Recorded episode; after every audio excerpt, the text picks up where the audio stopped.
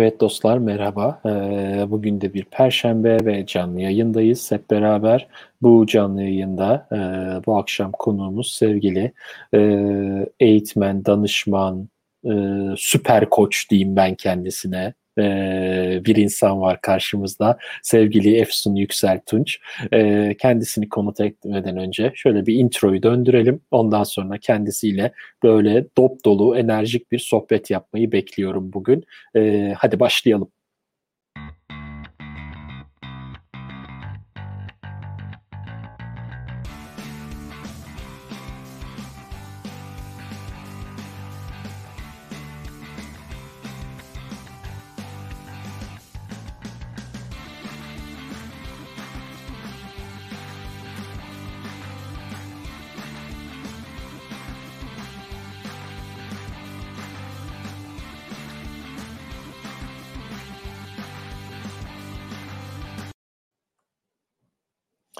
Evet dostlar, Efsun'u da yayına alalım. Bugünkü yayınımız başlasın. Efsun hoş geldin. Merhaba, hoş bulduk. Nasılsın? Harika, teşekkür ederim. Keyfim yerinde. Senle sohbet güzel. Ee, daha önce de yapmıştık. Ee, evet. O sefer e, biraz daha dijital dönüşümü konuşmuştuk seninle. Çok Hı-hı. keyifliydi. Ee, bugün de sorularını merakla bekliyorum. Evet o zaman daha çok ben senin konuğun gibiydim. Evet. Şimdi sen benim konuğumsun. Şimdi soru e, e, sıra bende. Seni ben sıkıştıracağım sorularla. Bilmiyorum. Hazırsın. Memnuniyetle. Ha, hazırım. Yani çünkü dostane bir sohbet olacak. Ne Hı-hı. kadar katkı sağlayabilirsek bizi izleyenlere o kadar keyifli olur. Aynen öyle. Zaten bütün amacımız bu. Yani e, dün bile başıma, pardon geçen hafta bile başıma geldi zaten. E, burada yeni tanıştığım bir arkadaş İngiltere'de benim öteki yayın İngiliz çayı Türk kahvesini e, duymuş. Tanıştığım zaman aa o siz misiniz falan filan olduk böyle. Yani insanların arasında konuşulmaya, e, böyle tanınmaya başlanıyor bu programlar. E, umarım doğru şekilde doğru e, çözümler ulaştırabiliyoruzdur insanlara, hayatlarına dokunabiliyoruzdur. Bu süper bir haber bizim için. Kesinlikle. Evet, e, lafı fazla uzatmadan hemen sana sormak istiyorum. Benim klasik bir sorum var zaten. Herkese ilk girişte bu soruyu soruyorum. E, hiç değişmez. Bize kendini tanıtır mısın? Yani senin ağzından bir seni dinlemek isteriz işin açıkçası.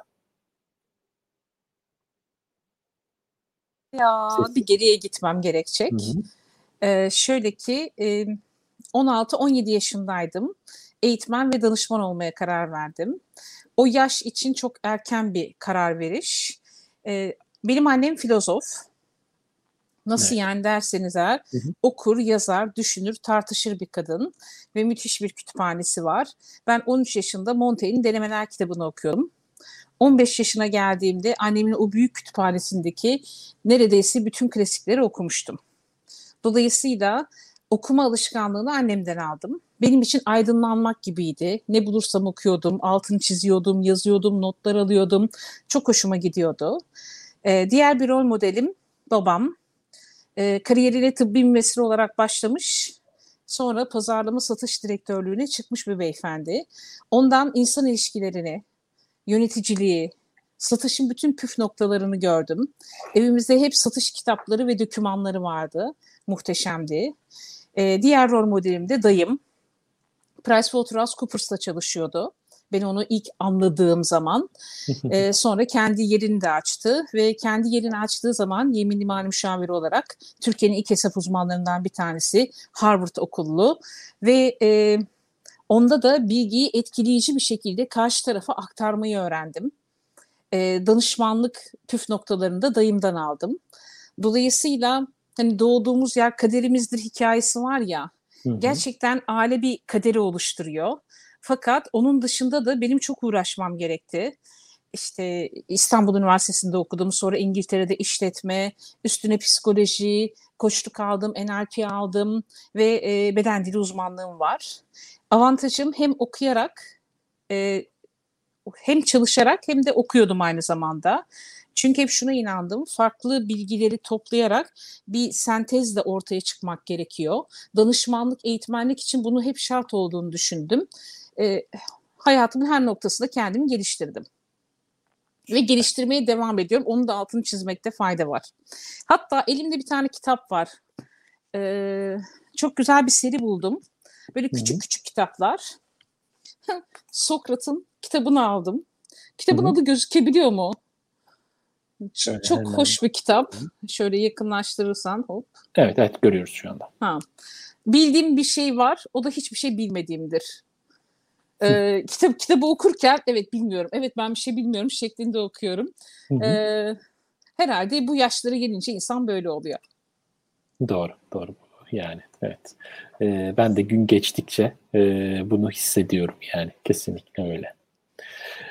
Evet harika vallahi seni senin ağzından tanımak e, çok süperdi. Çok güzel bir şekilde özetledin. Kendini tanıttın bizlere. Çok teşekkür ederim. Ben teşekkür ederim. Seni tanıdık peki hani e, Indus Consulting tam olarak hangi alanlarda faaliyet göstermektedir? Ne yapar? Birazcık bunu da açarsan çok sevinirim. Tabii ki. E, Indus 2001 yılında e, iş fikri olarak e, ortaya çıktı. E, çünkü tabii 16-17 yaşında danışman olacağım, eğitmen olacağım deyince 26 yaşında da e, firmayı kurdum. E, eğitim ve yönetim danışmanlığı yapıyoruz. E, 20 yıl neredeyse oldu ve hı hı. sektörde lider firmalarla hep çalıştık ve çalışıyoruz. E, yönetim danışmanlığı tarafına baktığımız zaman strateji ve yönetim danışmanlığı var. Kurum kültürü oluşturma projelerimiz var. Dönüşüm projeleri yapıyoruz. Süreç danışmanlığı yapılıyor. insan kaynakları danışmanlığı yapılıyor. HR marketing veriyoruz firmalara. Veya 3D dediğimiz yeni bir projemiz var. Ki biz bu pandemi sürecini hep yeni proje üreterek geçirdik. İşte 3D onlardan bir tanesi. Davranış Hı-hı. değişikliği deneyimi yaratıyoruz firmalarda sadece eğitim almasınlar. Eğitim aldıktan sonra onun davranışa dönüşmesi için de e, destek programları oluşturduk. Dolayısıyla çok yoğun bir yönetim danışmanlık tarafımız var. Bir de tabii ki e, eğitim alanında çok iddialıyız. Sadece eğitim vermiyoruz. Yani klasik yöneticilik, liderlik, strateji eğitimleri veriyoruz. Pazarlama, müşteri ilişkileri eğitimleri var. Kişisel gelişim eğitimleri var. Fakat konu sadece aslında e, eğitim vermek değil eğitimi mutlaka desteklemek gerekiyor. Herkes eğitimini öğrenmiyor. Belki koçluk olması lazım, belki mentorluk olması gerekiyor kişinin kendini geliştirmesi için. Tüm bu sistemleri de sunabiliyoruz. Ve eğitimde en büyük avantajımız biz eğitim takip sistemi kullanıyoruz. 15 yıl oldu. 15 yıldan beri firmalarımıza eğitim verdiğimiz anda eğitimin içerisinde eğitim takip sistemi de veriyoruz. Ee, sen bir eğitim aldın, örnek veriyorum müzakere becerileri eğitimine katıldınız. 6 ay boyunca o konuyla alakalı biz sizi destekliyoruz. Bilgiyle, videoyla, kaynakla, makaleyle, vakayla sizi destekliyoruz. Çünkü eğitimin kalıcı halde olması gerekiyor. Davranışa dönüşmesi gerekiyor. Kesinlikle. Endus da böyle işler yapıyor. Vallahi harika. Genelde çünkü bu tarz eğitimlere katılınca olan şudur. Eğitmen gelir bir şeyleri anlatır anlatır. Siz de notlar alıyorsanız alırsınız. Ondan sonra eğitmen gider. Herkes kaldığı yerden devam eder. Bir tek eğitmene yarar verdiği eğitim. Başka kimseye yaramaz. Çok Ama doğru. sizin gördüğüm kadarıyla bu sürekliliği sağlamanız sayesinde, bilgi akışını sürekli sağlamanız sayesinde orada bir fark yaratabiliyorsunuz diğer firmalardan ya da kişilerden farklı olarak ki evet. harika zaten. Peki, ee, gördüğüm kadarıyla insan kaynakları dep- departmanlarıyla ortaklaşa da işler düzenliyorsunuz. Yani genelde burada şirket eğitimleri falan oluyor. Hani bu tarz eğitimlerin içeriğinde hani daha çok ne var? Çalışanlara hangi özellikleri katmaya çalıştığınız konusunda bilgi alabilirsem senden çok sevinirim. Tabii ki. Bizlerle kim bağlantıya geçiyor? Belki ilk önce onu yanıtlamam gerekiyor. Hı hı. Dediğin gibi insan kaynakları bizlerle bağlantıya geçiyor. Ee, firmadan firmaya göre değişiyor. Bazen eğitim departmanları bağlantıya geçiyor. C-level'lar bizi çok arar. Direkt e, C-level pozisyondaki kişiler pazarlama direktörü arar, anlatır veya genel müdür arar, anlatır. Ve biz o noktada e, zaten hemen toplantı talep ediyoruz. Firmayı ziyarete gidiyoruz. E, ya da online işte platformlar üzerinden toplantılarımızı yapıyoruz. Burada bizim için en önemli olan konu aslında kök analizi yapmak. E, kök analiz yapmadan hizmet sunuyor olmak çok riskli. Çünkü e, eğitim deseler bile belki çözüm eğitimde değil. Belki işte satış süreç sistemi kurulması gerekiyor. Örnek veriyorum. Veya e, koçluk yapılması gerekiyor veya İK'ya destek verilmesi gerekiyor. Dolayısıyla ilk önce konuyu anlayıp ondan sonra hizmeti sunmakta fayda var. Biz hep bu şekliyle ilerliyoruz. E, bununla ilgili çok ilginç örneklerimiz var. Bizden motivasyon eğitimi istemişlerdi. Bir fabrika, ambalaj fabrikası.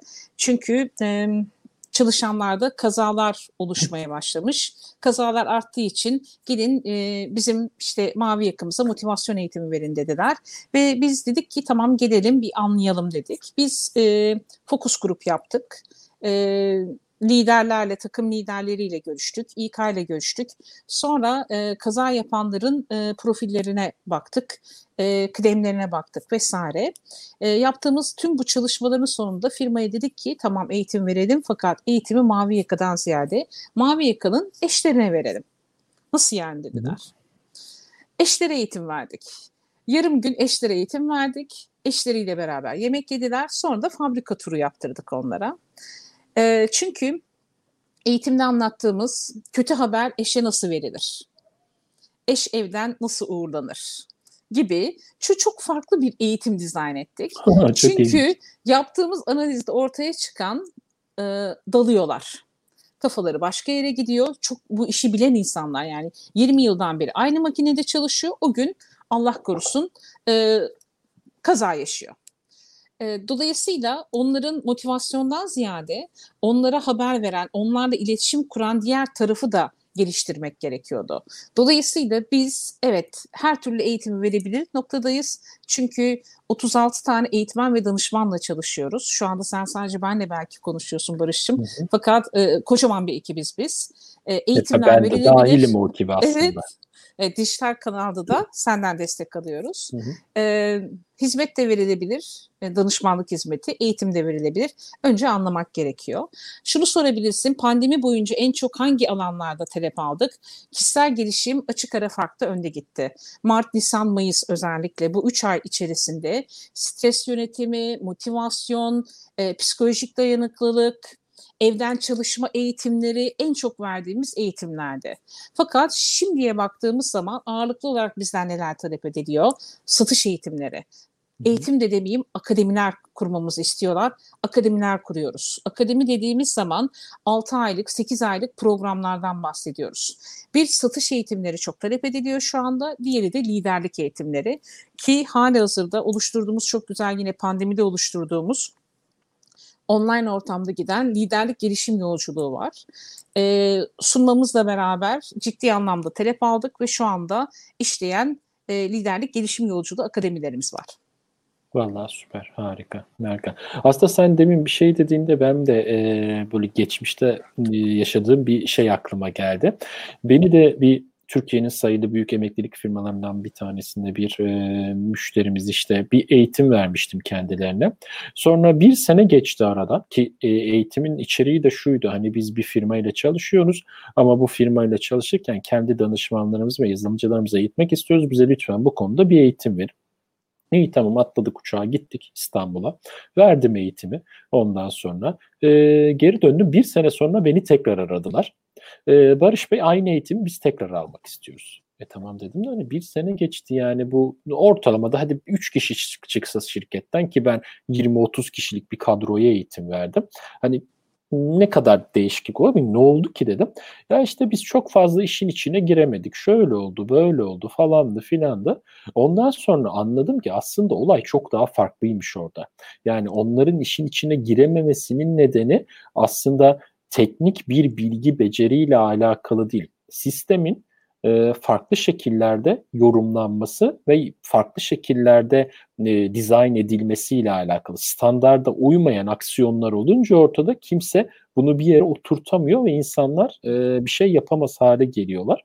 E, ondan sonra biz farklı farklı hizmetler vererek kendilerine sistemin daha stabil, düzgün, daha açık bir mimaride ve sorunsuz bir şekilde e, çalışmasını sağladık. Ondan sonra insanlar daha istekli bir şekilde hem projeye dahil oldular hem de ekipler de işlerin daha hızlı bittiğini, daha sorunsuz olduğunu görünce de e, hani projeler daha hızlı tamamlanmaya başladı. Yani bazen şunu varmak istiyorum işin açıkçası. Bazen firmalar sorunun bir yerde eğitimle çözüleceğini düşünüyorlar ama aslında sorunun muhteviyatı başka bir yerde olabiliyor.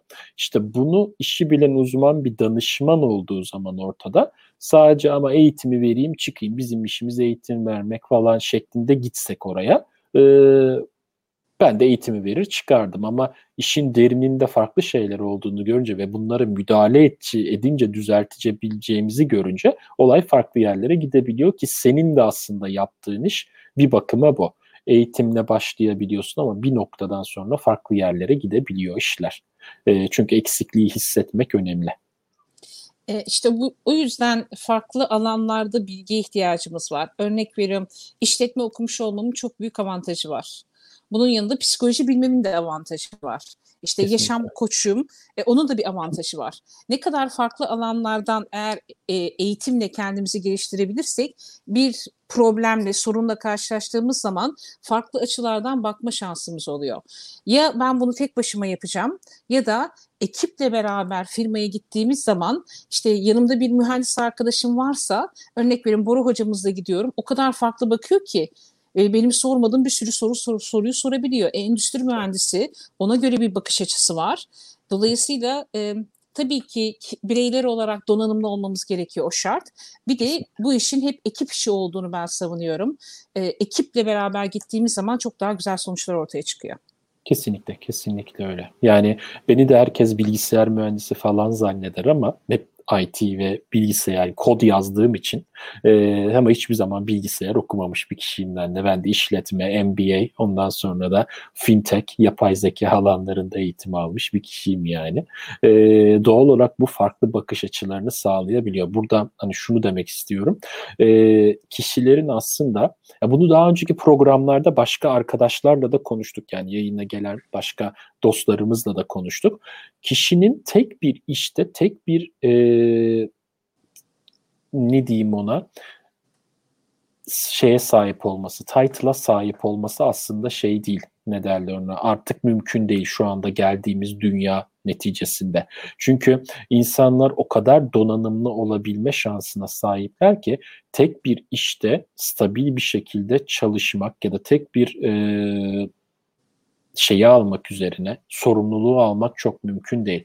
Doğal olarak ne yapıyoruz? Hepimizin LinkedIn profillerinde biri yazıyor. Yok işte yazar diyor, konuşmacı diyor, koç diyor, bilmem ne diyor. Herkesin profili dolu dolu.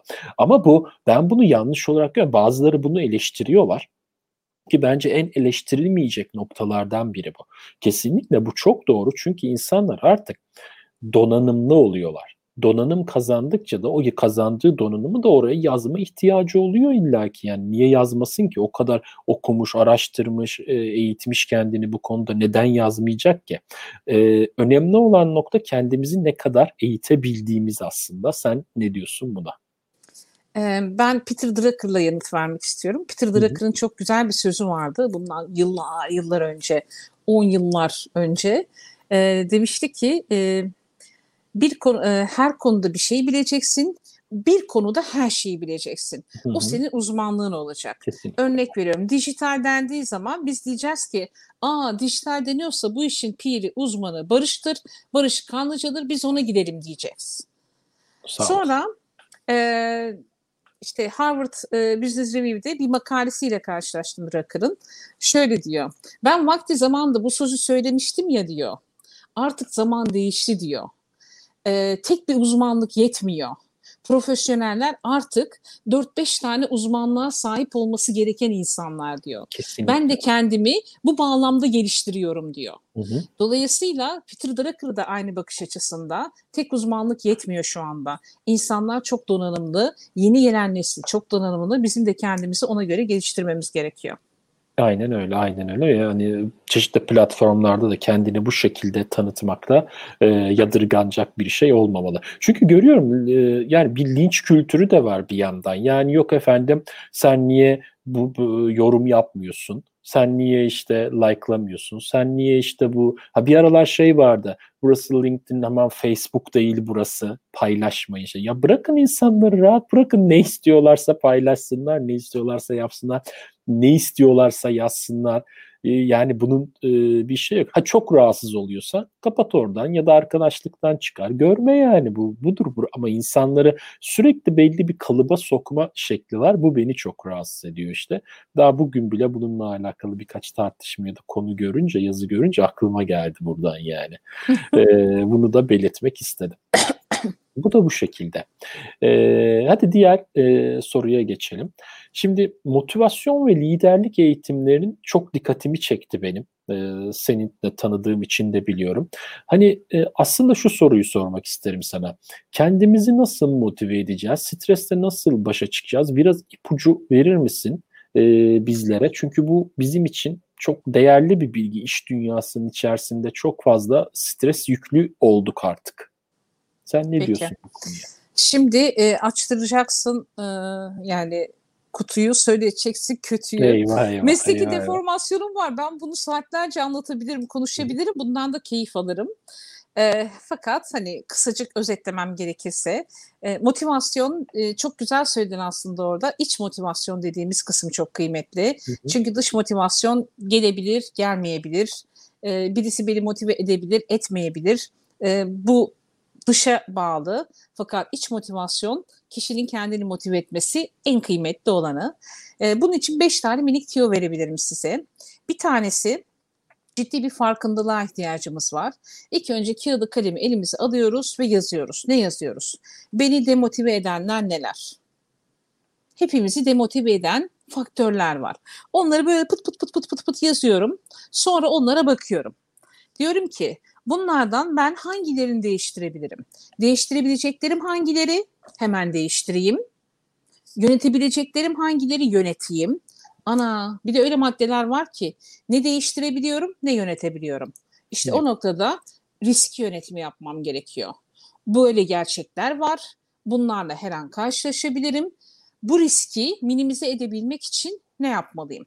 Çünkü riski minimize etmezsem başıma gelecek kriz yaşayacağım, demotive olacağım. Dolayısıyla birinci madde aslında farkındalık. İkinci madde hayaller ve hedefler. Pek çok eğitimimde şunu söylüyorum, e, altını çizerek vurguluyorum. O da şu. Eğer benim hayallerim ve hedeflerim zorluklardan büyükse ben devam edebiliyorum. Zorluklar gelecek, hep gelecek. İşte Covid-19 gelecek. E, Covid-19 bitsin, Covid-20 gelecek. Örnek veriyorum. Dolayısıyla bunlar bunlar devam edecek. Ancak hı hı. o zorluklar gelirken eğer benim çok büyük hedeflerim varsa, smart hedeflerim varsa, hayallerim varsa o zaman yolda kalabiliyorum. Fakat zorluklar eğer benim hayallerimden, hedeflerimden büyükse ezip beni geçiyor, demotive oluyorum. Dolayısıyla da hepimizin hayal kurması gerekiyor ve smart hedefler belirlemesi gerekiyor. Bu da diğer konu. Üçüncü madde yine elimize kağıdı kalemi almamız gerekiyor. Ee, ben bunu koşuluk yaparken de çok kullanıyorum. Hı hı. İşte depresyondayım diyor, işte tutunamıyorum diyor. Diyorum ki tamam çalışırız diyorum fakat önce seni mutlu eden 100 şey yaz gel diyorum. Nasıl yani diyor 100 şey çıkmaz ki benden diyor. Zaten 100 şey olsaydı diyor hani ben burada olmazdım hocam diyor. Ne tamam yani? diyorum hadi hadi bir başla diyorum yüzden fazla çıkıyor ki. Ben size mutluluğun tanımını yapamam fakat mutsuzluğun tanımını yapabilirim. Mutsuzluk, mutlu olduğumuzun farkında olmamaktır. Dolayısıyla biz mutluluk, e, bizi mutlu edenleri yazdığımız anda otomatik olarak aslında o farkındalıkla şükür mekanizmasını harekete geçiriyoruz. Örnek veriyorum. Hemen masamda şöyle dönüyorum. Bizi mutlu eden 100 şey. Den biri. Evet. Dolayısıyla bunun farkında olmam gerekiyor. Çünkü depresyon dediğimiz veya motivasyonsuzluk dediğimizde bu bizi mutlu edenleri görmemeye başlıyoruz. Bu çok ciddi bir risk. Onu ortadan kaldırabilmek için o listelere ihtiyacımız var. Diğer bir tanesi dördüncü madde hobiler. Çok kıymetlidir. Hobiler ne sağlar?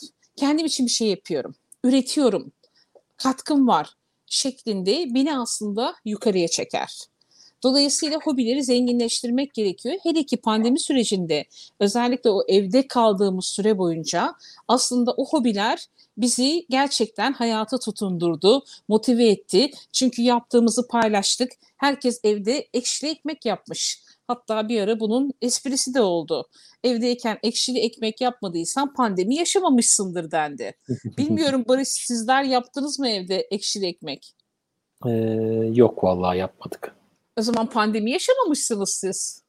Ekmek yapmadık yok. Direkt marketten aldık. Çünkü burada maske takmadan markete gidilebiliyor. Sıkıntı yok yani. Burada çünkü İngiltere olduğu için burası biliyorsun burada ölen ölsün kalan sağlar bizimdir mantığı var hepimizde. O yüzden bu, bu başbakanımız da öyle burada. Yani. Ee, kolaylıklar diliyorum size. Sağ Ee, beşinci madde ise nedir dersen eğer pozitif bakmak, pozitif düşünmek, pozitif olmak, pozitif konuşmak. Ee, en önemli motivasyon maddelerinden bir tanesidir. Diğerlerini motive ederek motive olmak. Benim birilerini motive ediyor olmam beni de motive edecek. Fakat benim birisini motive edebilmek için önce benim motive olmam gerekiyor. Bu böyle bir döngü aslında.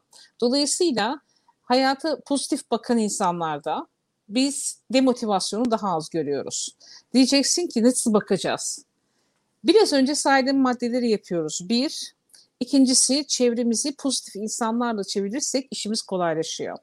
Her gün öldük, bittik, ne yapacağız, batıyoruz, aman Allah'ım diyen insanlarla bir aradaysak e, etkilenmeyle beraber biz de onlar gibi konuşmaya başlıyoruz. Eskilerin söylediği gibi kişi refikimden azar derler. Kişi arkadaşlarıyla e, onlar gibi davranarak hareket eder. Dolayısıyla bunun farkında olmak gerekiyor. Çok derin bir konu. En böyle hani beş maddeyle bu şekliyle özetleyebilirim. Yo yo çok doğru. En sonuncusuna tak, e, takıldım ben aslında. Bilmiyorum bu yayınları e, izli sürekli takip edenler var mı? E, yaklaşık olarak kaçıncı e, artık sayısını bile bilmiyorum yani. O galiba e, 15 öyle. Neredeyse 20. yayının falan oldu. Yani 20 kişi Maşallah. çıktı bu yayınlara. E, ve hep farkındalarsa hep çevremdeki insanlar genel itibariyle çıktık. Senle bile ailecek görüştüğümüz birisin aslında. Evet. Ee, çoluk çocuk hep beraber birbirimizi tanıyoruz. Ee, yani baktığında şey hani benim çevremdeki insanları öyle bir dizayn etmişim ki ben de hepsi bir yerde belli bir kat, e, kategoride belli bir e, işinde olan belli bir e, eğitim düzeyinde belli bir e, nasıl diyeyim e, ünvana sahip olan kişiler. Bu kişiler aynı zamanda ben onları beslediğim gibi onlar da beni besliyorlar. Doğal olarak bu besleme, bu etkileşim hep beraber bizim A noktasından B noktasına gideceğimiz zaman daha hızlı, daha problemsiz ve bu kişilerin birbirleriyle olan desteğiyle daha güzel gerçekleşiyor. Aslında ben bunu görüyorum. Bu da bir yaşam felsefesi aslında. E, kesinlikle hatta şöyle diyorlar ya en çok görüştüğünüz 3-5 kişi gibisinizdir. Yani, yani o 3-5 kişi hayatı nasıl bakıyorsa siz de öyle bakıyorsunuz. Kesinlikle. Eğer işte negatif alışkanlıkları varsa, kötü alışkanlıkları varsa otomatik sizin de o alışkanlıklardan oluyor. Hı hı. Hangi kitabı okuyorlarsa siz de o kitabı okuyorsunuz veya o bakış açısına sahip oluyorsunuz. Çok doğru. Evet, evet. Aynen öyle. Aynen öyle. Evet, arada bir, şeylere de bakmak isterim. Hani sorular Evet. falan da geliyor bir yandan. Evet. A, ne güzel. Eee Hı hı. Şöyle bir soru geldi. Hani, eee, tıt tıt tıt kısmı geçiyorum. Genelde hep iş arayan kişide olması gerekenlere takılıp kalıyoruz. Maalesef Türkiye'de işverenler de birçok kriter olmuyor. Bazen ne kadar iş arayan olarak donanımlı olsan da işverenin zihniyeti çok farklı oluyor. Kişinin donanımı bir ifade etmeyip. Eee, doğru. Yani e, buna katılıyorum. İki tane şey söylenebilir bununla alakalı. Bir, işverenizi seçme şansına sahipsiniz. Yani size her iş verilen yerde çalışmak gibi bir zorunluluğu yok ki aynı şekilde firmaların da her işe başvuranı almadığı gibi. Yani bu tamamen e, birlikte karar verilerek yapılan bir şey. Hadi diyelim ki bir nedenden dolayı yani bir işe girdiniz güzel diye müdürünüz ya da daha sonra gelen müdür, daha sonra gelen müdür bilmem ne falan öyle bir sıkıntıyla e, karşılaştınız. Aslında bu gene birazcık şirketlerle alakalı. Bakın Efsun e, gibi danışmanlar var, eğitmenler var. E, daha önce buraya hani çıkardığım konuklarım gibi danışmanlar, eğitmenler var. Şirketlerin profesyonel iş yapabilmek adına ve çalışanlarını mutlu edebilmek adına bazı eğitimleri alması gerekiyor. Ve bu eğitimlere kişileri sokması gerekiyor ki bunlar iletişim becerileri olsun, doğru konuşma olsun, düzgün kendini ifade edebilme olsun, aslarıyla ve üstleriyle doğru bir şekilde e, iletişim içerisinde olabilmek olsun gibi gibi konu daha çoğaltılabilir gibi konularda şirketlerin şirket içerisindeki kişileri eğitmesi gerekiyor. Siz haklısınız. Bunları maalesef e, olmuyor bazı şirketlerde. Ama bunun olmamasının nedeni de e, yani farklı yerlerde aranabilir. Bilmiyorum neden şirketler tercih etmiyorlar bunları. Ama e, ben, Efsun ve diğer kişiler bu tarz eğitimleri, bu tarz e, etkinliklerin içerisinde olmaya çalışıyoruz. İşte bizleri yakalayıp e, ne bileyim şirketlerde artık değerlendirmenizi e, bekliyoruz işin açıkçası. Bizler buradayız. E, şirketler içerisindeki bu iletişimleri, problemleri ve diğer sorunları gidermek için çalışan kişileriz. Dışarıdan çalışan danışmanlarız bizler de. Efsun, ben ve diğer buraya çıkarttığım arkadaşlarım. E, bizler bunun için buradayız. Şirketlerin e, bunu görmesini bekleriz aslında. Sen bir şey eklemek ister misin bu konuda? Eklerim e, kendini yönetmek dediğimiz e, bir eğitim silsilesi var. İçerisinde üç tane modül vardır. İletişim, zaman yönetimi, stres yönetimi. E, özellikle bu üç eğitimin bir kullanım süresi vardır. Siz bundan 10 yıl önce bir iletişim eğitimi aldıysanız e, bugün size hadi iletişim eğitimine katıl dediğimiz zaman şu tepkiyi vermemeniz gerekiyor. Ya ben 10 yıl önce iletişim eğitimine katılmıştım yani ben bunu biliyorum ki falan. Yok öyle bir dünya. Onun artık süresi doldu. Kullanım süresi bitmiş onun çoktan.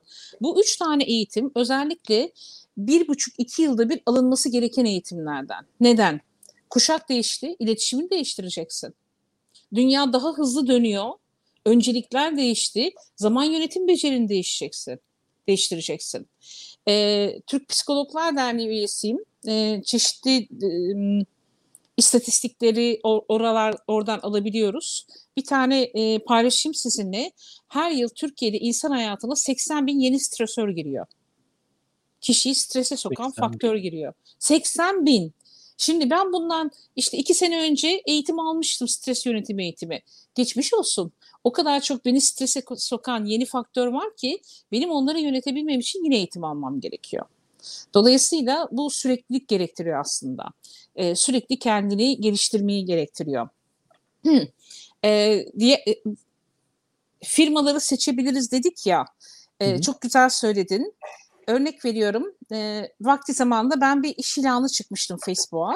O senin linç dediğin kısmı yaşadım. E, ilanı şöyle çıktım. Eleman değil insan arıyoruz diye çıktım. Allah'ım ya Rabbim altına yazılan yorumlar işte sen böyle bir şey nasıl söylersin böyle bir şey söylenir mi de herkes insan değil mi ki bilmem ne vesaire filan. Ee, ben de özür dilerim açıklama gereği duydum. Dedim ki ya insanlara rapor yazmayı öğretiriz. Telefonla konuşmayı öğretiriz. Bakın bu bunlar satış yapmayı öğretiriz. Kod yazmayı öğretiriz. Doğru mu Barış? Doğru. Yani doğru. sen biraz önce söyledin yani ben bilgisayar mühendisi değilim dedin. Fakat şunu şunu yapabiliyorum dedin. Tabii. Demek ki bunlar öğrenilebilir konular. Fakat dedikodu yapmamayı, karşı tarafa saygı duymayı. Ya bunlar ailede öğrenilen konular. Bunlar o gelişim sürecinde yani iş hayatına girene kadar öğrenilmesi gereken mevzular. Kesinlikle. Biz diyoruz ki hani bunlar olsun. Üstüne zaten biz her konuyu öğretebiliriz ki. Zaten bizim işimiz eğitmenlik beceri kazandırabiliriz, yetkinliğini artırabiliriz. E, o yüzden o insan kelimesini aslında kullanmıştım. Indus'ta çalışmanın da üç tane kuralı var. E, bir, kendini sev. Kendini sevmeyenle çalışmıyoruz. Çünkü biliyoruz ki kendini sevmeyen diğerlerine sarmaya başlıyor. Doğru. İki, gülümse.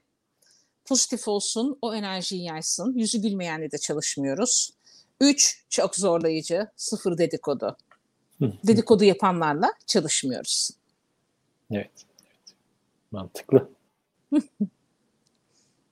Mantıklı. Bu arada hiç sorular bu noktayı soru güzelmiş. düşünmemiştim. Evet evet. Hiç bu noktasını düşünmemiştim. Evet, durdum orada bir düşündüm bunu yani. Evet. haklısın. Doğru. bir Alman atasözü var. Ee, çok severim onu. Çok da kullanırım. İşi çok olanların ağlayacak vakitleri yoktur. Benim ağlayacak vaktim yok. Çünkü ben hani şu anda bu saat olmuş. Senle buradayım. Hani çalışmak gibi değil fakat hala yoğunum. Hala bir şeyler üretmeye çalışıyorum. Kesinlikle öyle. Ee, bir insan dedikodu yapıyorsa bir durmak bak- bakmak gerekiyor. O kadar vakti nereden buluyor ya? Demek ki işi yok. İşi olsa onu yapmayacak.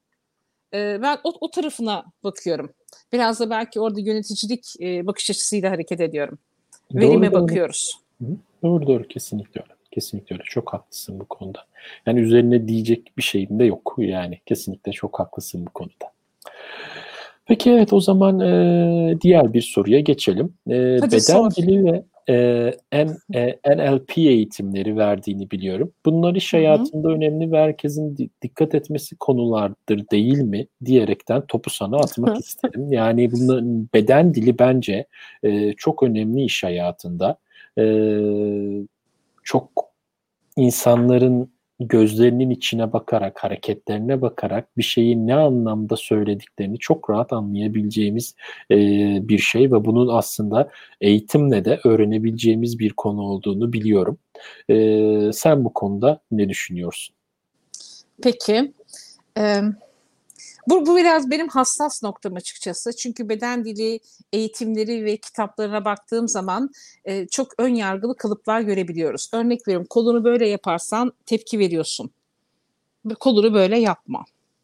La başlayan bir sürü anlatım var. İşte kadın saçıyla oynuyorsa başka bir anlama gelir. Yok ayağını sola doğru attım bir anlamı var, sağa doğru attım bir anlamı var. Gibi böyle anlatımlar var. Ee, benim gittiğim okulda bize şöyle anlattılar. Beden dili ikiye ayrılır. Ben ve diğerleri. Diğerlerini anlamak da gerçekten çok zor bir iştir. Kesinlikle öyle. Ee, ve bunun bazı tiyoları var onları paylaşabilirim. Birinci tiyo normalini bil. Karşı tarafın normalini bilmeden hareketleri değerlendirmemiz namümkün. Çünkü bu kişinin alışkanlığı olabilir ki veya şu anda benim üstümde klima var belki üşüdüm o yüzden böyle yapıyorum. E sen bana tepki verdin dersen biz orada iletişim kuramayız seninle çatışmaya başlarız. Dolayısıyla birinci kural aslında normalini bilmek. İkinci kural bütünü görebilmek. Tek bir hareket bize hiçbir şey vermiyor. Yani kaşını kaldırmış olması bir anlam ifade etmiyor. Dudakla ilişkisine bakmak lazım. El hareketine bakmak lazım. Önemi geliyor ona bakmak lazım. Yoksa geriye mi yaslandı? Oradaki bütünü görmek ve hareketleri bağlamak gerekiyor. Şimdi Doğru. dolayısıyla şu hareket şu demektirden sakınmak lazım. Ve diğer bir madde doğru soruları sormak. Çünkü karşı taraf konuştuğu zaman bedeniyle beraber konuşur. Sosyopatlar, psikopatlar hiç e, beden hareketlerini kullanmadan konuşma eğiliminde olan insanlardır. Fakat normal bir insan, normal zekada, normal ilişki düzeyinde bir insan konuşurken mutlaka mimik kullanır, elini kolunu kullanır vesaire. E, tasavvuf der ki konuş ki yüzünü göreyim. Karşı taraf konuşursa biz onu görmeye başlarız, anlamaya başlarız. Bedenini de okuruz, kelimesini de anlarız. Çok kıymetlidir. Dolayısıyla beden dilinde hani diğerlerini anlamak diyorsak bu adımları takip ediyor olmamız lazım. Ha, diğer bir konuda ben. Ben nasıl olayım, nasıl durayım da karşı tarafa doğru mesajı vereyim. Bu da işin diğer kısmı aslında çok kıymetli. Çünkü e, insanlar 30 saniye ile 3 dakika arasında değerlendirme yapar. Örnek, severim sevmem, anlaşırım anlaşmam, iş yaparım yapmam. Bu kadar kısa süre içerisinde karar vermek ön yargı diyebilirsiniz, ilk izlenim diyebilirsiniz. Adına ne söylerseniz söyleyin. Fakat bunu yapıyor insanlar.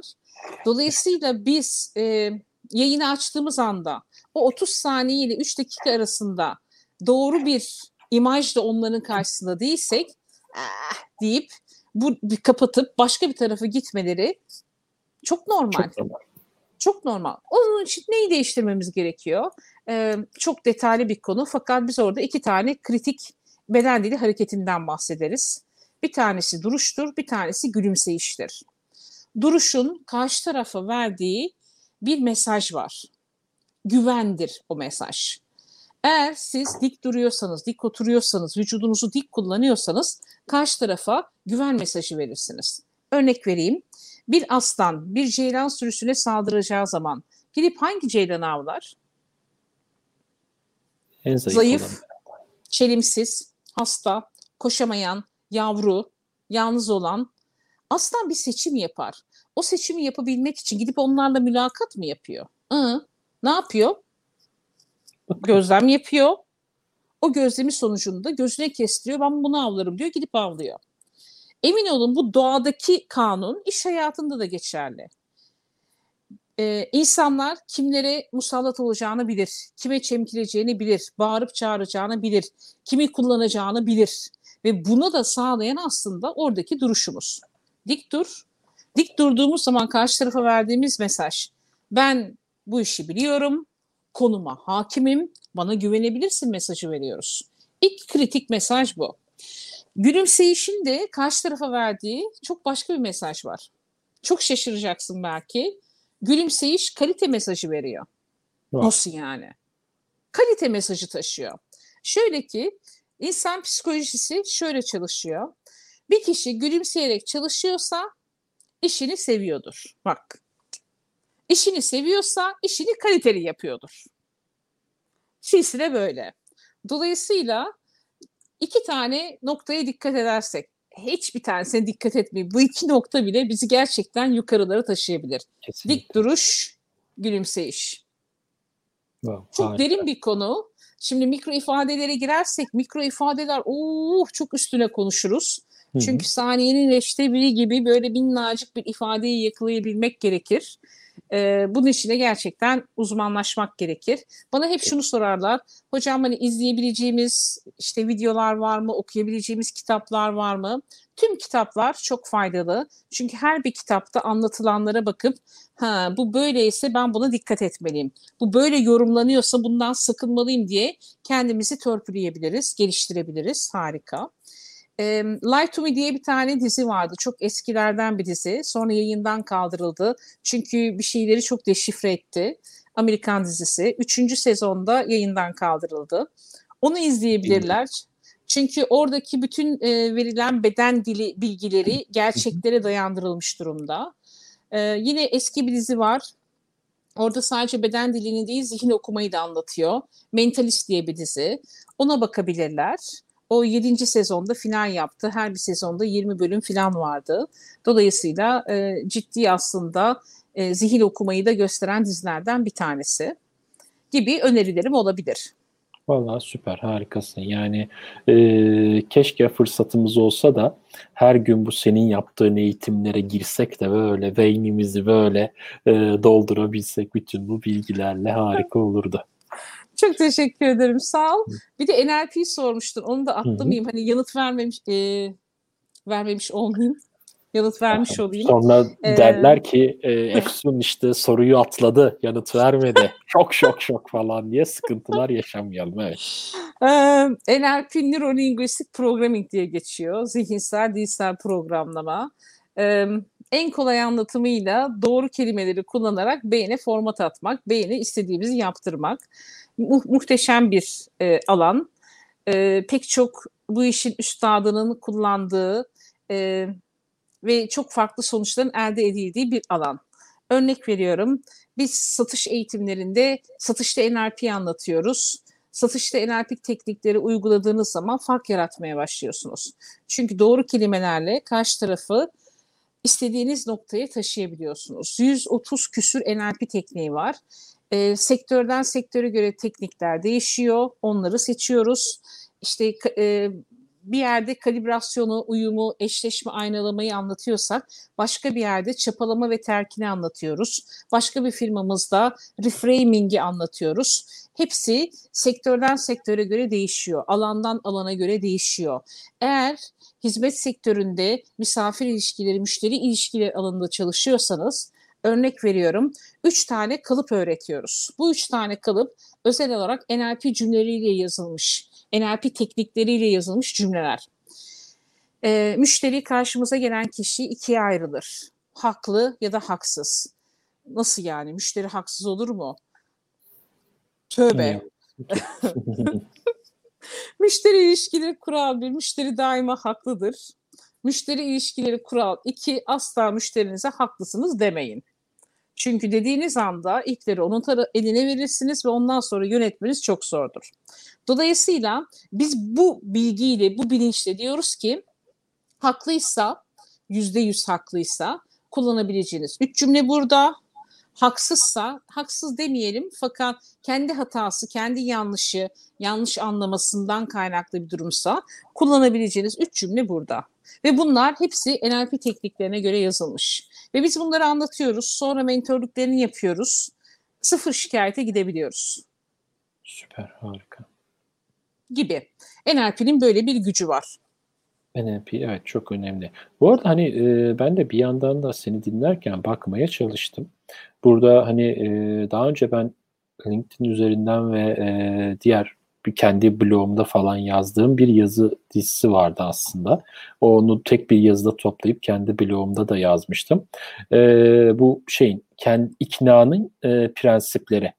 İkna için e, neler yapmamız gerekir? İkna prensipleri nelerdir şeklinde bir yazı dizisi vardı. Orada da e, açıklanan 6 tane e, değişik yöntem vardı. Bu yöntemleri aslında uyguladığımızda da karşı tarafa evet dedirtebilme şansımız var. Evet dedirtebilmek için neler yapmamız gerektiğini yıllar süren e, araştırmalar sonucunda ortaya çıkmış e, bir e, sonuçlar e, diyeyim daha doğrusu 6 tane teknik var orada. E, merak edenler onlara da bakabilirler gerçekten. E, tekrar belki LinkedIn'de paylaşırsan daha çok kişiye şu anda ulaşabilirsin Barış'cığım. Ee, bulmam lazım onu. Şöyle bir Aa. bakmaya çalışayım hemen hızlıca. Evet şurada buldum. Hemen şöyle e, kapılayım, postayım hemen. Daha birinci kısmını şöyle ekleyeyim. Harika. Paylaştım. Ee, şuradan da yerleştirelim. Bu bu yaklaşımını bayılıyorum. Gerçekten e, çok profesyonelce ve çok insancıl buluyorum e, bilgini paylaşıyorsun, deneyimini paylaşıyorsun ve bunu e, sansürsüz bir şekilde yapıyorsun. E, katkısı yüksek bir insansın. Tebrik ederim. Valla e, kimden öğreniyoruz bunları efendim derim ben de yani. Bu noktada da böyle hani şey yapmak isterim. Aa, Dedi, böyle... Hani biraz önce biraz önce dedim ya işte yani insan çevresindeki kişiler evet. gibidir yani doğal olarak çevremdeki insanlar da böyle ben bunu görüyorum bu şekilde hareket ediyorum yani çevremdeki insanlar da bu şekilde. Ee, çevremde de sizler olduğunuza göre gayet de normal. Teşekkür ediyorum böyle olduğunuz için sizlere de.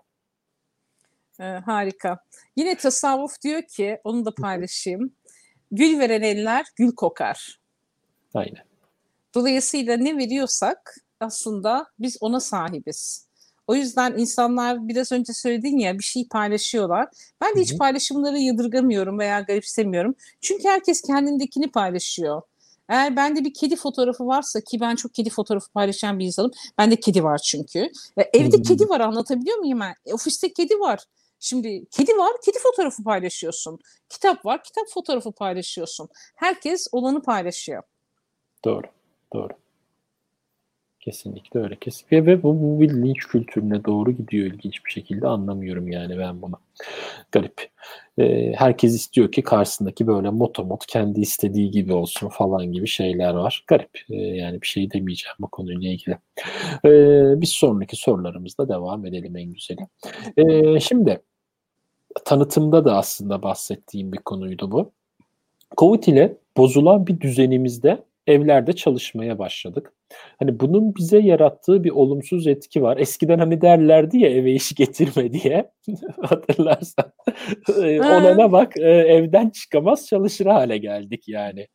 Şimdi neresinden tutacaksın bu durumun bilemiyorum yani. Eve iş getirme ne hale geldi.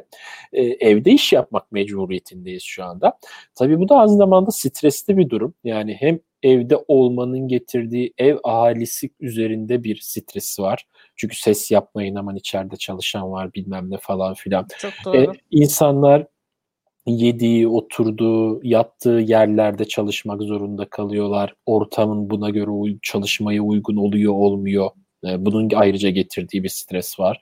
Ee, Bunun haricinde bazı durumlar var. Ya evdesin işte şu musluğu da bir tamir et falan filan aslında orada çalışıyorsun, kod yazıyorsun falan. Böyle durumlar var. Yani bunu hani e, nasıl değerlendiriyorsun sen? Bu stresle, bu durumla nasıl başa çıkalım sence? Barış ne çekmişsin sen ya? Yok ben hani Şimdi... hani genel gördüklerimden anlatıyorum canım. Benle ne alakası var der. Bir arkadaş anlattı. Biz bunu çok duyuyoruz. Koç olduğumuz için hep böyle evet. sorularla karşılaşabilir. Olsun hemen çözelim. Ee, ilk önce bir kitap önerisiyle başlamak istiyorum. Ee, çok güzel bir kitap okuyorum şu anda. Ee, yani aslında şöyle çevirsem göstersem aynı anda 4-5 kitap okuyabilen bir insanım. Bu da okuduğum kitaplardan bir tanesi. Görülüyor mu? Şöyle tutayım. Görülüyor evet. Günlük ritüeller. Evet şöyle. E, kitapta 150'ye yakın kişinin e, bir gün içerisinde e, ritüellerini anlatıyor. Kitaptan bir minik pasaj okumak istiyorum. Tekrar etmek başlı başına önemli bir şeydir. Bir tür hipnotizmadır. Daha derin bir haleti ruhiye geçebilmek için kendimi hipnotize ediyorum. Bunu yaparken de günlük ritüellerimi kullanıyorum demiş. Ha. Şimdi ritüel çok önemli. Ve biz pandemi eğitimlerinde yani pandemi de verdiğimiz eğitimlerde, bu evden çalışma eğitimlerinde hep dedik ki düzenli bir rutine sahip olun. Ne rutinine? Tüm günü rutine alamayabiliriz. Fakat en azından düzenli bir sabah rutinine sahip olmak. Çünkü sabah kalktığımız zaman orada karar veriyoruz. Günüm iyi geçecek, kötü geçecek, dağınık geçecek, düzenli geçecek. Eğer beyin sabah rutini yaşıyorsa o sabah rutininde kendini iyi hissediyor ve programlama yapmaya başlıyor. Bizim hı hı. beynimizi kullanmamız gerekiyor. Ha, evet. araştırmalar diyor ki beyin tembeldir. E, ben demiyorum, masumum. Beyin tembeldir, kısa yolda çalışmayı sever o yüzden kısa yollar arar kendisine bulur der. O yüzden de sabah rutini çok kıymetli. Eğer biz bu sabah rutinini tekrar tekrar birkaç tekrar yaparsak beyin onu rutine alacak. Zaten tembel bir organ olduğundan dolayı onu otomatiğe alıp devam ettirecek. Sabah rutini günün geri kalanını ortaya koyuyor. Ve tabii ki planlı olmak gerekiyor. Fakat planlamanın yanına esnekliği de koymak gerekiyor. Biz oğlumla pandemide pomodorolar yaptık. Pomodoro tekniği çok bilindik bir teknik. Biz Pomodoro tekniğini oğlumla beraber açtık, izledik. Nasıl kullanabiliriz? O nasıl kullanabilir? Ben nasıl kullanabilirim? Ee, oğlumla beraber aynı anda Pomodoro'ya başlamam gerekiyor ki aynı zamanda molaya çıkabilelim. Dolayısıyla wow biz tabii belki benim avantajım oğlum 10 yaşındaydı ve e, onun da zaten online dersleri vardı e, ve Pomodoro ile beraber kendimizi yönetebildik. Dolayısıyla evdeki ahaliyi organize etmek lazım. Evdeki çocuk çok küçük. Oyun oynamak istiyor. O zaman o çocuğu meşgul tutabilecek aktiviteler, o aktivitelere zamanlamalar vermek işte sen al bak boyalar burada, kalemler burada, kağıt burada. Yarım saat sonra ne yapacaksan getir bana beraber bakalım. Ee, yarım saati bilmeyebilir. Biz ne yaptık o noktada? Saati kuruyorsun. Alarm kuruyor. Alarm ötüyor. Cep telefonundan alarm ötünce hemen alıp koşu koşu gelip küçük çocuklar resimlerini gösteriyorlar vesaire. Dolayısıyla senkronize gitmekte fayda var. Kesinlikle. Ancak tabii ki kriz olur mu? Olur. O yüzden de işte esnekliği de cepte tutmak gerekiyor. Ee, birleştirmeler yapmak, zaman yönetiminde bizim çok anlattığımız konular. Ee, bir, bir işte başka bir işi birleştirmek. Örnek veriyorum yemek yapma saatimde aynı zamanda ev kadınıyım haliyle yemek yapmam gerekiyor. Yemek yapma zamanında oğlumun bana kitap okumasını sağladım. Hem onunla vakit geçirmiş oldum hem ödevini yapmış oldu. Ben de yemek yapmış oldum. Dolayısıyla birleştirmeler işimizi kolaylaştırıyor. Hmm. Düzenli uyku şart. Ee, uykuyu almış olmak gerekiyor ki rutini koruyabilmek adına. Güne egzersizle başlayabiliyorsak veya ritüellerimiz varsa bu yoga olabilir, pilates olabilir, namaz kılmak olabilir. Hepimiz birbirimizden farklı ritüellere sahip olabiliriz. Yine o işe odaklanmayı sağlıyor. Ne yapabiliriz? İşte yeme vakitlerini düzenli hale getirmek, belli saatlerde yemek veya e, dikkat dağıtıcılar varsa etrafta evde çalışıyoruz. Onları minimize etmek, ortadan kaldırmak. Hani içsel motivasyonu e, koruyabilmek için ilk maddeyi hatırlıyor muyuz? İlk madde farkındalıktı. Evet. Beni de, ne demotive eder onları ortaya koymak veya tam tersi düşünelim. Evde çalışırken beni neler oyalar? Dikkatimi neler dağıtır? Aklıma sürekli bir şeyler geliyor. Hemen not, defteri ve kağıda not al. Ve kendime hep şunu söyledim. Şu anda bununla ilgilenemeyeceğim. Not alayım sonra yapayım. Not almazsam eğer beyin çalışma sistematiğinde beyin bana diyor ki sen bunu unutursun diyor ve sürekli pop-up şeklinde bana hatırlatıyor. 5 dakikada bir, 10 dakikada bir yine hatırla, hatırlıyorum. Tam böyle önemli bir e-posta yazacakken aklıma geliyor. Fakat yazdığım zaman beyin diyor ki tamam bizimkisi yazdı. Nasıl olsa bakacak ona. Dolayısıyla işte o beyne format atmak dediğimiz kısım da böyle işliyor. Ki uzun uzun daha çok anlatabiliriz. Evet, evet. Valla e, eline sağlık, ağzına sağlık. Çok güzel dinliyoruz burada seni. Verdiğin bilgiler o kadar ederim. değerli ki çok teşekkür ederiz. E, ben arada şöyle ederim şeyleri de bakmak istiyorum. Hani yazan Sorulara. arkadaşlarımız, dostlarımız var sağ olsunlar diyorlar ki hani e, tespitleriniz mükemmel, e, iyi yayınlar, iyi akşamlar, işte eğitimler ve et yazılar için teşekkür ederiz şeklinde olumlu görüşlerini bildiren birçok arkadaşımız, dostumuz var. E, burada yalnız bir tane de soru gibi gelmiş. E, eğitimleri hayatımızda uygulamakta sıkıntılar oluyor genelde. Bunun için ne yapmalıyız? Şeklinde bir e, sorumuz var. Şu kısaca bir şey alabilir miyim senden? Bununla tamam. Alakalı. İnsanlar %99 alışkanlıklarına göre hareket eder, %1 düşünür. Dolayısıyla e, yeni bir bilgi aldım. O bilgiyi benim hayatıma katabilmem için bir alışkanlığımı değiştirmem gerekiyorsa e, zorlanıyorum.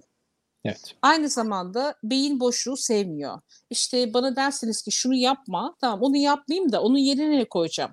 İlkelme bilgiyi mutlaka koymam gerekiyor ki veya alışkanlığı koymam gerekiyor ki orada boşluk oluşmasın. Sürekli tekrar bu noktada çok işe yarıyor. Bu bir kenarda dursun. Diğer bir nokta, çok çok daha kıymetli olan noktayı paylaşayım. Bağlamak lazım. O yeni bilgiyi ben hayatımda, örnek veriyorum ben Indus'ta çalışıyorum, eğitime gittim. Ya ben bunu sadece Indus'ta kullanacağım. Aman ne kadar çalışacağım ki ben bunu aman yapıyorsam almıyorum. Halbuki biz eğitimlerimizde 360 dereceyi anlatıyoruz. Hayatımızın her alanında kullanabiliriz. Örnek veriyorum Pomodoro'yu özelde de kullanabilirim, işte de kullanabilirim. Veya plan yapmayı işte de kullanabilirim, özelde de kullanabilirim. Aklımıza gelen her türlü konuyu, smart hedef, ya çok önemli tatile gitmek adına bile smart hedef belirleyebilirim ben. Özelimle alakalı bir konu. Aynı zamanda yöneticiyim zaten smart'ı bilmem gerekiyor gibi. Eğer aldığımız bilgiyi hayatımızda bir değil, 7-8 tane farklı alanda kullanabilir halde alıyorsak aklımıza daha hızlı harekete geçiyoruz. En hızlı evet. şekliyle böyle anlatabildim. O zaman bu soruya cevabımız e, şu şekilde ben de özetleyeyim. E, mümkün olduğunca aldığımız bilgiyi alış eğer seviyorsak ve onu kullanmak istiyorsak bunu alışkanlık haline getirmemiz gerekiyor e, diye özetlemeye çalışayım ben de bunu pekiştirmek adına. Buna da böyle cevap vermiş olalım ve diğer sorumuza geçelim. Yönetici ve yaşam koçu olarak bir bireyi hangi aşamalardan geçirerek iş ve özel yaşamında ilerlemesini sağlıyorsun diye bir soru yazmışım buraya. Onu da sana sormak isterim. Vay vay vay. Peki. Ee, ya emin ol Barış soruların çok güzel. Çok teşekkür ederim. Evet. Bizim ne kadar vaktimiz var? Daha ne kadar konuşabileceğiz? Valla aslında şey şu an itibariyle bitirmemiz gerekiyor ama bir 15 dakika falan da bence uzatmamızda e, sıkıntı yok. Yani bana kalsa sabaha kadar yayın yaparız da evde hanım çocuklar falan var. Eve gidince dayak yeme riskim olduğu için doğal olarak e, 15 Anladım. dakikayla kısıtlandırsak sevinirim aslında.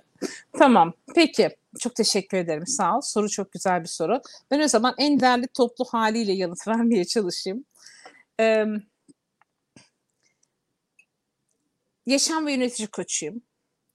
Ee, aynı zamanda yöneticiyim. Yöneticilik eğitimleri veriyorum. Ee, yönetim yollarını biz üçe ayırarak anlatıyoruz Indus danışmanlıkta. Bir yöneticiler var, bir liderler var, bir de koçvar yöneticiler var. Yani koçluk yaparak yönetenler var. Üçü de birbirinden farklı. Bir masa örneğim vardır benim. Çok beğenelmiler, çok kullanırım. İzin ver onunla anlatayım. Ben eğer yöneticiysem, sadece yöneticiysem derim ki şuradaki dört arkadaşa siz dördünüz şu masayı alın şuradan şuraya taşıyın. Yöneticiyi daha ziyade yap der.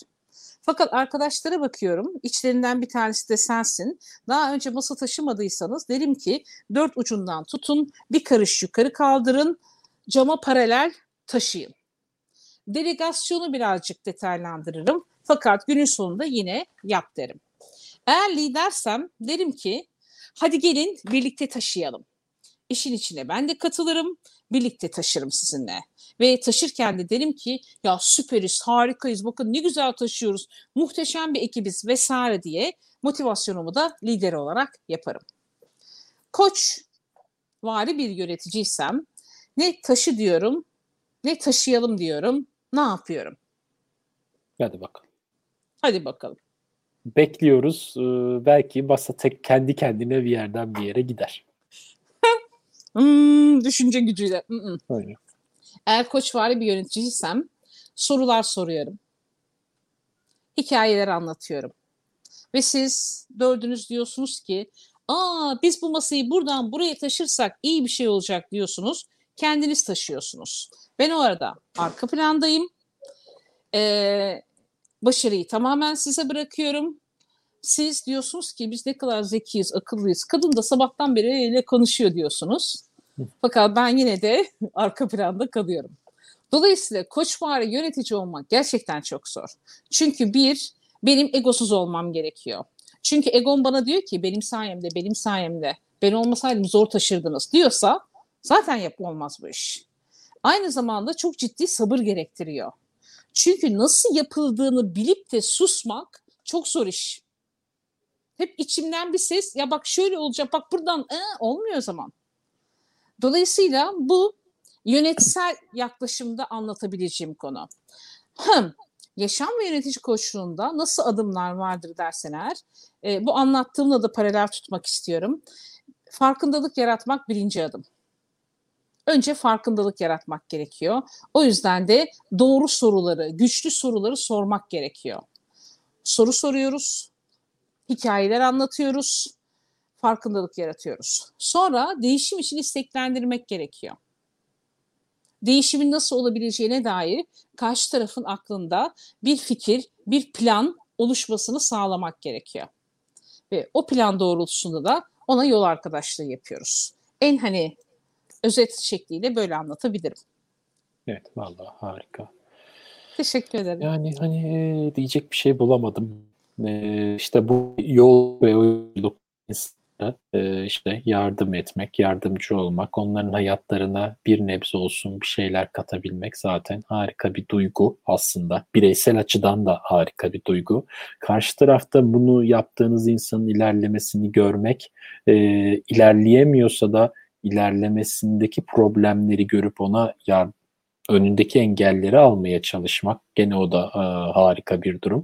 Yani neresinden bakarsan bak e, dört dörtlük bir durum bu koçluk, mentörlük e, konuları aslında diye kısaca şöyle bir toparlamaya çalışayım ben de bunu. Hemen bir araya girebilir miyim? Biz e, geçen e, Eylül ayı itibariyle çok özel bir projeye başladık. Belki duyup projeye dahil olmak isteyenler olabilir. Askıda mentörlük var bizde. Bu bizim yeni projemiz. Gönüllü olarak gelen arkadaşlarımıza mentörlük yapıyoruz. Kimler mentörlük yapıyor? Biz kocaman bir ekibiz. bizdeki danışman ve eğitmenler mentörlük yapıyor. Çok yoğun talep aldığımızdan dolayı dışarıda da tanıdığımız, işini bilen, örnek veriyorum C-level'dan olan veya HR'dan olan, mühendis olan, e, dijital transformation yapan pek çok farklı kişiyle beraber biz mentörlük yapmaya başladık. Askıda mentörlük. Burada hedefimiz gerçekten bir hedefi olan, bir yere ulaşmak isteyen kişilerle mentörleri buluşturmak ve bunu gönüllü olarak yapmak. Belki bu burada anlatıyoruz, ilgilenenler olur. O zaman onlara e, info.indus.com.tr adresine mail atabilirler. Oradan biz onlara bir form gönderiyoruz ve süreci başlatmış oluyoruz. Evet, süper, harika valla. Ee, yani ne kadar çok kişi gelirse, ne kadar çok duyurabilirsek de harika olur. Elimizden geleni yapalım bunu duyurabilmek adına. Çok teşekkürler. Teşekkür ederim. Ee, Sinem Hanım da yazmış. Bize de uyar, sizinize dostlar diyebilir miyim sizlere? Tabii ki. Hiç sıkıntı yok yani bizim açımızda. Çok teşekkürler. Böyle hissetmenize.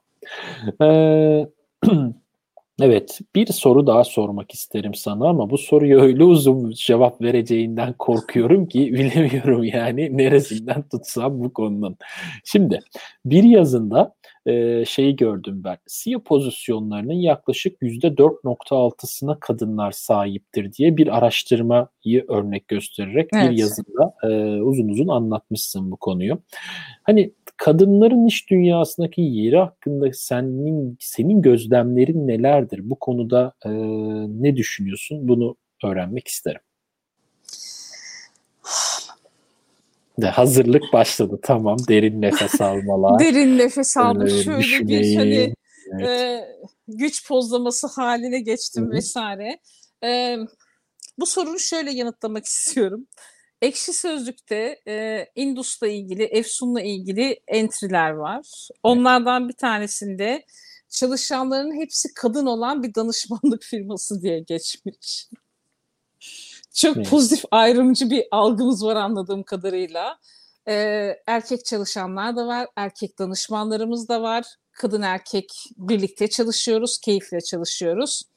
Ee, kadın erkek eşittir, kadınlar daha eşittir diyoruz. Bunu beklemiyordum. Bunu beklemiyordum evet. Şimdi, sorun yok bizim açımızdan ya. Yani. Tamam. Ee, şimdi şaka bir tarafa e, yazdığım yazıda evet biz istatistiklerle yazı yazmayı seviyoruz. En azından ben buna çok özen gösteriyorum. E, gerçek bilgiyi, kanıtlanmış bilgiyle hareket edelim ve onlar ışığında yazılarımızı yazalım istiyorum. Çok doğru, çok düşük bir oran. Fakat e, pek çok makalede, yazıda, araştırmada şu da söyleniyor. Kadınlar gümbür gümbür geliyor önümüzdeki 2-10 yıllık dönemde yani 20 yıllık dönemde daha fazla kadını iş hayatında C-level'da göreceğiz. Erkeklere göre oran çok daha fazla olacak. Neden böyle düşünülüyor ve e, paylaşılıyor derseniz eğer kadınlar e, birkaç tane özelliği var. Kadınlar öğrenmeye ve kişisel gelişime daha açıklar. E, biz bunu kendi eğitimlerimizde de görebiliyoruz. Eğitimlere katılım oranlarına bir bakın. Kadınlar %80 daha fazla eğitime katılıyorlar. Yani 8 kadın 2 erkek görebiliyoruz eğitimlerde. Bu hep böyle oluyor. Özellikle kişisel gelişim eğitimlerinde kendini yönetmek noktasında. Dolayısıyla kadınlar daha açık alıyorlar, okuyorlar. Bu arada tabii ki bu bir genelleme. Lütfen hoş görsün beyefendiler, hanımefendiler. Bu bir genelleme. Ee, değişime açıklık, gelişime açıklık kadınlarda daha fazla. Belki kadınlardaki bu değişikliği de şöyle açıklıyorlar e, kadınlar e, anne de olabildiklerinden dolayı hayatlarında çok büyük değişiklikler olduğundan değişime daha kolay adapte olabiliyorlar.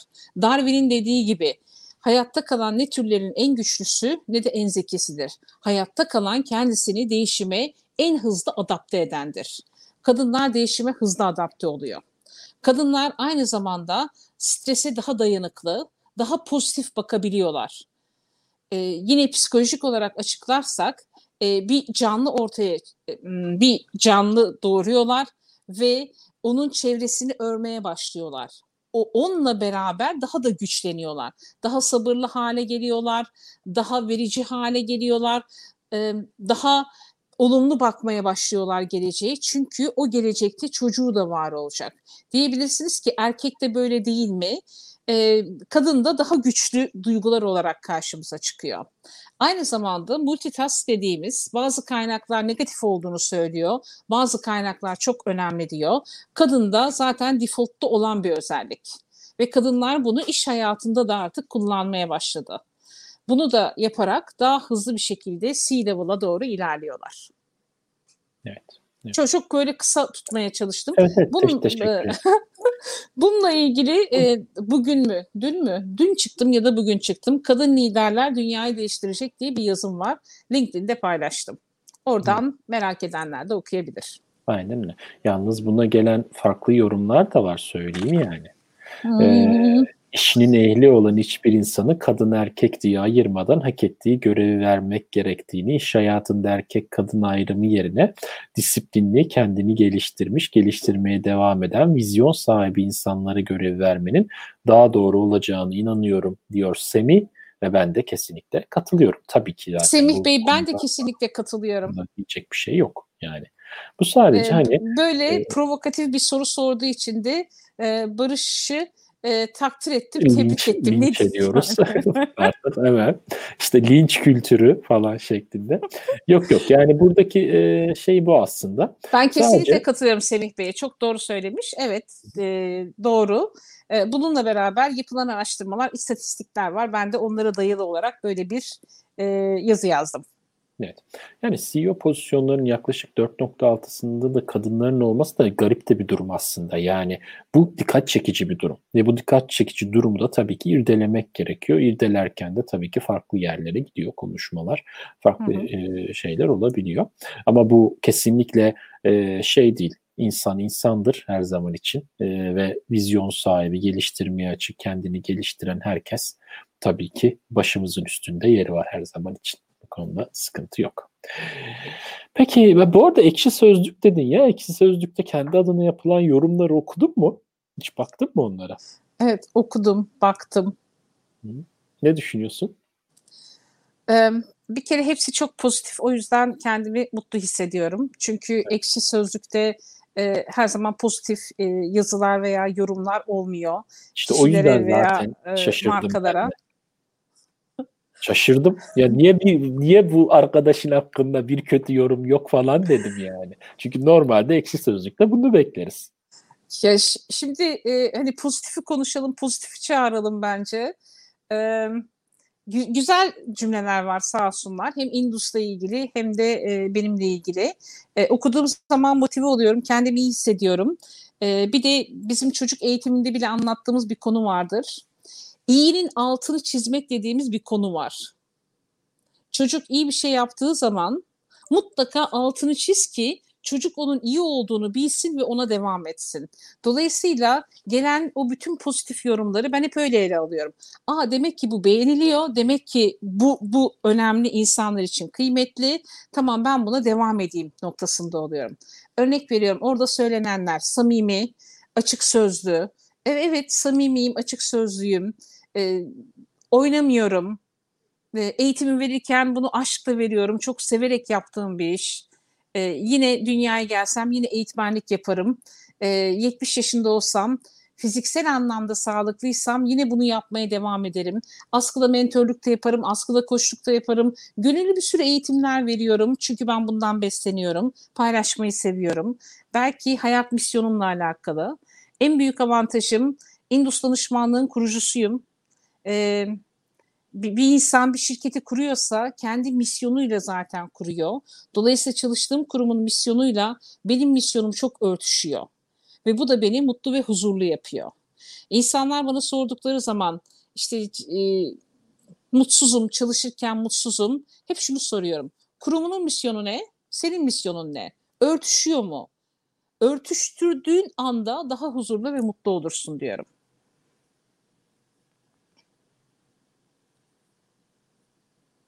Barış Sis'in Ay pardon. Kendimi muta aldım da çünkü burada e, şey toplantı odasındayım. E, bir konuşmalar falan geldi de e, yayına gitmesin diye. E, şey dedim ben de kesinlikle buna katılıyorum demiştim. E, kesinlikle öyle. Hiç yani e, diyecek bir şeyim yok bu konuyla alakalı. E, yani e, düşünüyorum daha başka sorabileceğim sorular var mı, bir şeyler var mı, nasıl daha katkıda bulunuruz falan diye ama saati de zaten hani 1 saat 15 dakikadır konuşuyoruz neredeyse. E, yavaş yavaş sonlandıralım istersen. E, ve artık e, ondan sonra belki şey diye düşündüm hani tekrar belki farklı bir yayın yapar, farklı bir yayında farklı konuları da ele alabiliriz ilerleyen zamanlarda. Memnuniyetle. Ee, Ev sahipliğin çok güzelmiş. Çok teşekkür ederim. Ben teşekkür ederim. Sağ olasın. Ee, Londra'ya geldiği zaman bekleriz de bu arada. Memnuniyetle. Ee, bu arada evet şey e, evet dediğim gibi ileride bir, bir şeyler düşündüm de ileride evet o, o tarz konularda bir, bir yayın falan daha belki e, yapabiliriz tamamdır. E, katılan herkese e, güzel yorumlarıyla bizleri e, katılan herkese teşekkür ediyorum. Ee, sorular sordunuz çok teşekkür ediyorum. Çok güzel bir yayın oldu. Çok keyifliydi. Ee, Efsun eline sağlık diyorum. Ağzına sağlık diyorum. Böyle şenlendirdin. Çok teşekkürler. Ee, ben teşekkür ederim. Görüşmek üzere arkadaşlar. Kendinize iyi bakın. Haftaya başka bir yayında tekrar birlikteyiz. Herkese iyi akşamlar. Hoşçakalın.